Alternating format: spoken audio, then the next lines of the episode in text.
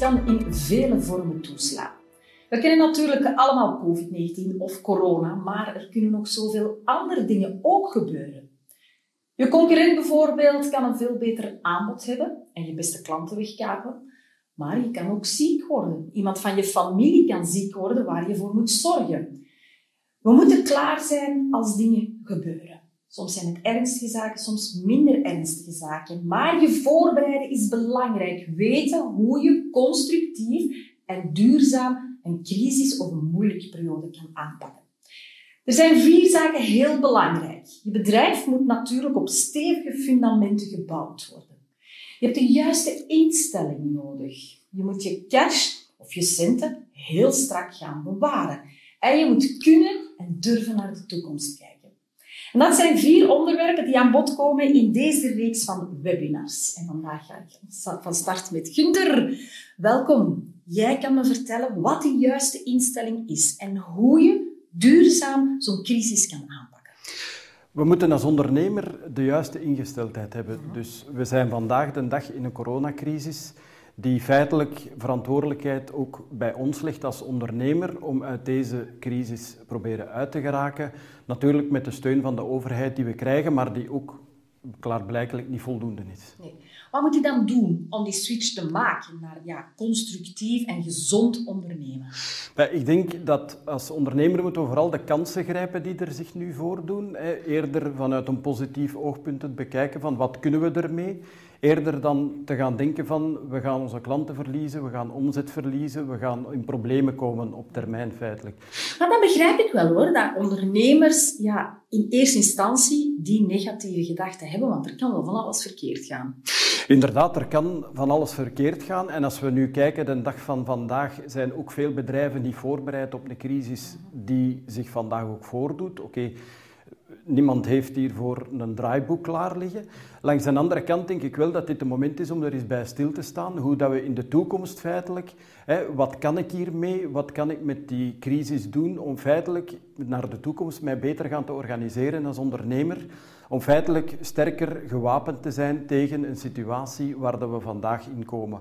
Want als ondernemer hebben wij toch een belangrijke verantwoordelijkheid. Niet alleen voor onszelf en ons eigen gezin, maar ook naar de, onze werknemers, naar de maatschappij. Wij creëren werk, wij betalen belastingen. Wij zijn toch een belangrijke schakel in het economisch leven de dag van vandaag. Ja. Welke juiste beslissingen zijn dat dan? Je spreekt over focus leggen op mogelijkheden, ook in een crisis. Maar misschien moeten we stap voor stap eens doorgaan. Wat kunnen ondernemers de dag van vandaag doen? Ik denk vandaag de dag zijn er twee dingen die we heel goed in de oog moeten houden als ondernemer. Dat is ten eerste, is ons bedrijf winstgevend? Is het rendabel? En ten tweede, hoe gaan we feitelijk met de cash om? Hoe gaan we feitelijk met het financiële luik van onze onderneming omgaan? Ja, oké, er zijn een aantal vragen die belangrijk zijn. Een eerste vraag is, hoe winstgevend is mijn bedrijf?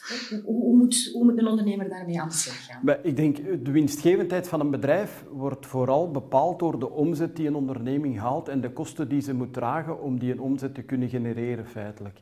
Uh, naarmate hoe, hoe beter dan een ondernemer is georganiseerd en werkt enzovoort, gaat die winst feitelijk kunnen gaan toenemen. En dan is het belangrijk natuurlijk om in een tweede fase het geld dat die winst genereert feitelijk van daar op een verstandige manier ook mee om te gaan. En daar ook voor te zorgen dat we een bepaalde reserve of buffer aanleggen in geval van crisis, maar ook in andere situaties, bijvoorbeeld naar investeringen enzovoort, dat we dat gaan doen. Is de volgende vraag dan ook belangrijk? Hoe redden we het met ons geld dat er vandaag is? Ja, ik denk dat het heel belangrijk is dat we vertrekken met, van de middelen die we vandaag hebben en dat we gaan kijken van oké, hoe kunnen we nu in de situatie waar dat we vandaag de dag ons in bevinden, zorgen dat we zeker niet in een minder cashpositie terechtkomen, dat we die zelfs kunnen gaan verbeteren. En daarvoor is het belangrijk dat we feitelijk op een, op een gestructureerde mededeling, uh, gestructureerde wijze dat toch uh, opvolgen. Uh, we spreken soms ook van, en een ondernemer werkt hard, werkt veel. en, en, automatisch gaan we ervan uit feitelijk dat het financiële luik daar ook zal in volgen, wat dan niet altijd spijtig genoeg zo is. we kunnen bijvoorbeeld heel hard werken, uh, maar als onze klanten ons niet betalen, gaan we ook geen geld binnenkrijgen. Dus we moeten daar ook mee bezig zijn. Nu, ik hoor wel een aantal zaken die ik heel logisch vind. Maar ervaren jullie dat ondernemers er te weinig of te weinig bewust mee bezig zijn? Ik denk vandaag dat er ondernemers zeker daar niet voldoende mee bezig geweest zijn of mee bezig zijn. Waarom? Omdat wij als ondernemer vooral zeggen we moeten werken, we moeten hard werken en veel werken. En ervan uitgaan dat dat automatisch leidt tot een gunstige financiële situatie. Wij stellen vast dat dat niet altijd zo is feitelijk. En een ondernemer op het buikgevoel feitelijk zijn financiële planning gaan doen, is toch van de dag van vandaag, denk ik, met corona een slechte raadgever. En ik denk dat je dan toch moet beroep doen op, op mensen die u daar effectief in helpen en ook een structuur ontbouwen feitelijk. Ik herken me daar eigenlijk wel een beetje in. Als ondernemer ben ik graag bezig met, ja, met, met, wat, met diensten. Maar die financiën, dat is toch niet altijd even plezant. Maar ik vind het wel belangrijk. Hè? Als ik je zo hoor praten, dan vraag ik me af, oké, vertel mij, wat moet ik doen? Welke acties kan ik nu ondernemen? In feite moeten we voor elk bedrijf, of zou elk bedrijf of elke ondernemer moeten een cashprognose, cashflow-prognose opmaken feitelijk. En die cashflow-prognose bestaat uit vier uh, onderdelen die we in details gaan overlopen, waarbij dat het eerste onderdeel is, oké, hoeveel cash heb ik vandaag? Op mijn bankrekening staan. Op uw bankrekening. Dus je kijkt gewoon naar homebanking, je schrijft overal je eindsaldo's op en dat is ons vertrekpunt. Dan zeggen we, dat zijn de beschikbare middelen op vandaag. Mhm. Een tweede punt is, dan moeten we gaan kijken welke inkomsten verwachten we. dus, dus we werken, we, we, creëren omzet en we factureren dat uit naar onze klanten. Dus wat gaan we zeggen? Oké, okay, wij verwachten uh, deze maand van die klanten gaan betalen, volgende maand die klanten gaan betalen.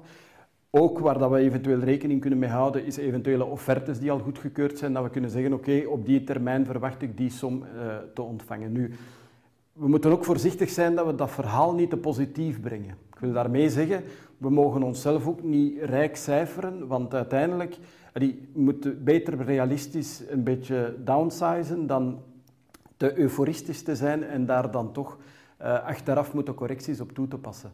Um, wat komt er ook nog binnen van geld? Dat zijn bijvoorbeeld subsidies die we kunnen krijgen via dan bijvoorbeeld uh, voor coronamaatregelen, BTW die we kunnen terugkrijgen. En dat is leningen die bijvoorbeeld ook binnenkomen, dat is ook een belangrijke. Dus een bedrijf gaat een lening aan, die krijgt dan in één keer een belangrijke som binnen die ze dan gespreid moet gaan terugbetalen feitelijk. Dus dat is de inkomstenstroom financieel van onze onderneming. Ja. Maar dan gaat ook geld weg waarschijnlijk. Dat moet je ook in kaart brengen. En daar gaat inderdaad, staat tegenover dat we dat geld gaan gebruiken om onze kosten gaan te betalen. Dus daar gaan we feitelijk zien van oké, welke leveranciers moeten wij gaan betalen om die werken kunnen uit te voeren. Wat is onze maandelijkse leningslast eh, die we moeten dragen, die we moeten terugbetalen aan de bank. Een hele belangrijke is natuurlijk personeelskost. Hij is voor veel bedrijven eh, een van de belangrijkste kosten die er zijn. Die moeten heel goed ingeschat worden. Ook onmiddellijk de provisies aanleggen of in rekening brengen naar vakantiegeld, naar eindejaarspremie. Dat er feitelijk dat we de cashflow-prognose zo correct mogelijk kunnen gaan maken, feitelijk. Um, ik denk dat dat belangrijke uitgaven zijn die we zeker moeten gaan in rekening brengen. Natuurlijk, een, een cashflow-prognose kunnen we eventueel wekelijks of maandelijks maken. Er zullen altijd ergens eens onvoorziene omstandigheden zijn. Misschien langs de opbrengstzijde, maar ook spijtig genoeg soms langs de kostenzijde. Ik denk dat daardoor belangrijk is dat, dat uw uh, cashplanning feitelijk altijd bijgewerkt wordt. Dus dat die feitelijk dat dat aangepast wordt als er bepaalde dingen plots bovenkomen die dan wel moeten verwerkt worden in, in onze cashprognose. Ja. Dus ik onthoud dat, het, e- dat die cashprognose maken heel belangrijk is. Ook hè, kijken waar staan we vandaag, waar gaan we in de toekomst staan en het toekomstbeeld op een correcte, gezonde manier eigenlijk in kaart brengen. Ja, inderdaad. Ja. En dan de laatste stap is feitelijk gaan kijken van oké, welke middelen zijn, schieten erover? En dan is het natuurlijk belangrijk om die middelen gaan correct te besteden in de zin van we leggen daar een buffer mee aan voor toekomstige uh, uitgaven eventueel of, eh, of gewoon om een reserve te voorzien. De dag dat het is minder zou gaan, dat we daar kunnen op verder uh, leven met de vennootschap, met de onderneming feitelijk op zich dan. Hè. Dus dat, want een vennootschap die morgen of een onderneming die morgen onvoldoende liquiditeiten uh, blijkt te hebben. Ja, het probleem is daar dat die vennootschap dat loopt vast op een bepaald moment omdat die haar kosten niet meer kan gaan betalen. En dan is natuurlijk de vraag van, oké, gaan we hier stoppen of, of, gaan we eventueel alternatieven zoeken naar externe investeerders of, of andere manieren om, dat, uh, om die vennootschap toch nog uh, kunnen stand te laten houden, feitelijk in deze tijd. Cashflow uh, bevorderen en daar positief gaan investeren, dat is voor een volgende webinar. Ja, ja. Dus ik onthoud vooral wat hebben we geleerd van jou vandaag. Eén, dat die ingesteldheid heel belangrijk is. Je kan gefocust blijven op wat er fout zou kunnen gaan, maar je kan ook op een veel gezondere en positievere manier naar mogelijkheden gaan kijken. Ja. En dan je bedrijf gezond houden begint met een uh, cashprognose op te stellen. Ja, inderdaad. En daar kunnen we dan beroep doen op uh, accountant, boekhouder, die feitelijk over de nodige digitale of, of informatie beschikt feitelijk om een, een, overzicht te maken van de cashflow-prognose waarmee dat je dan in de toekomst kan verder werken. Feitelijk. Ja.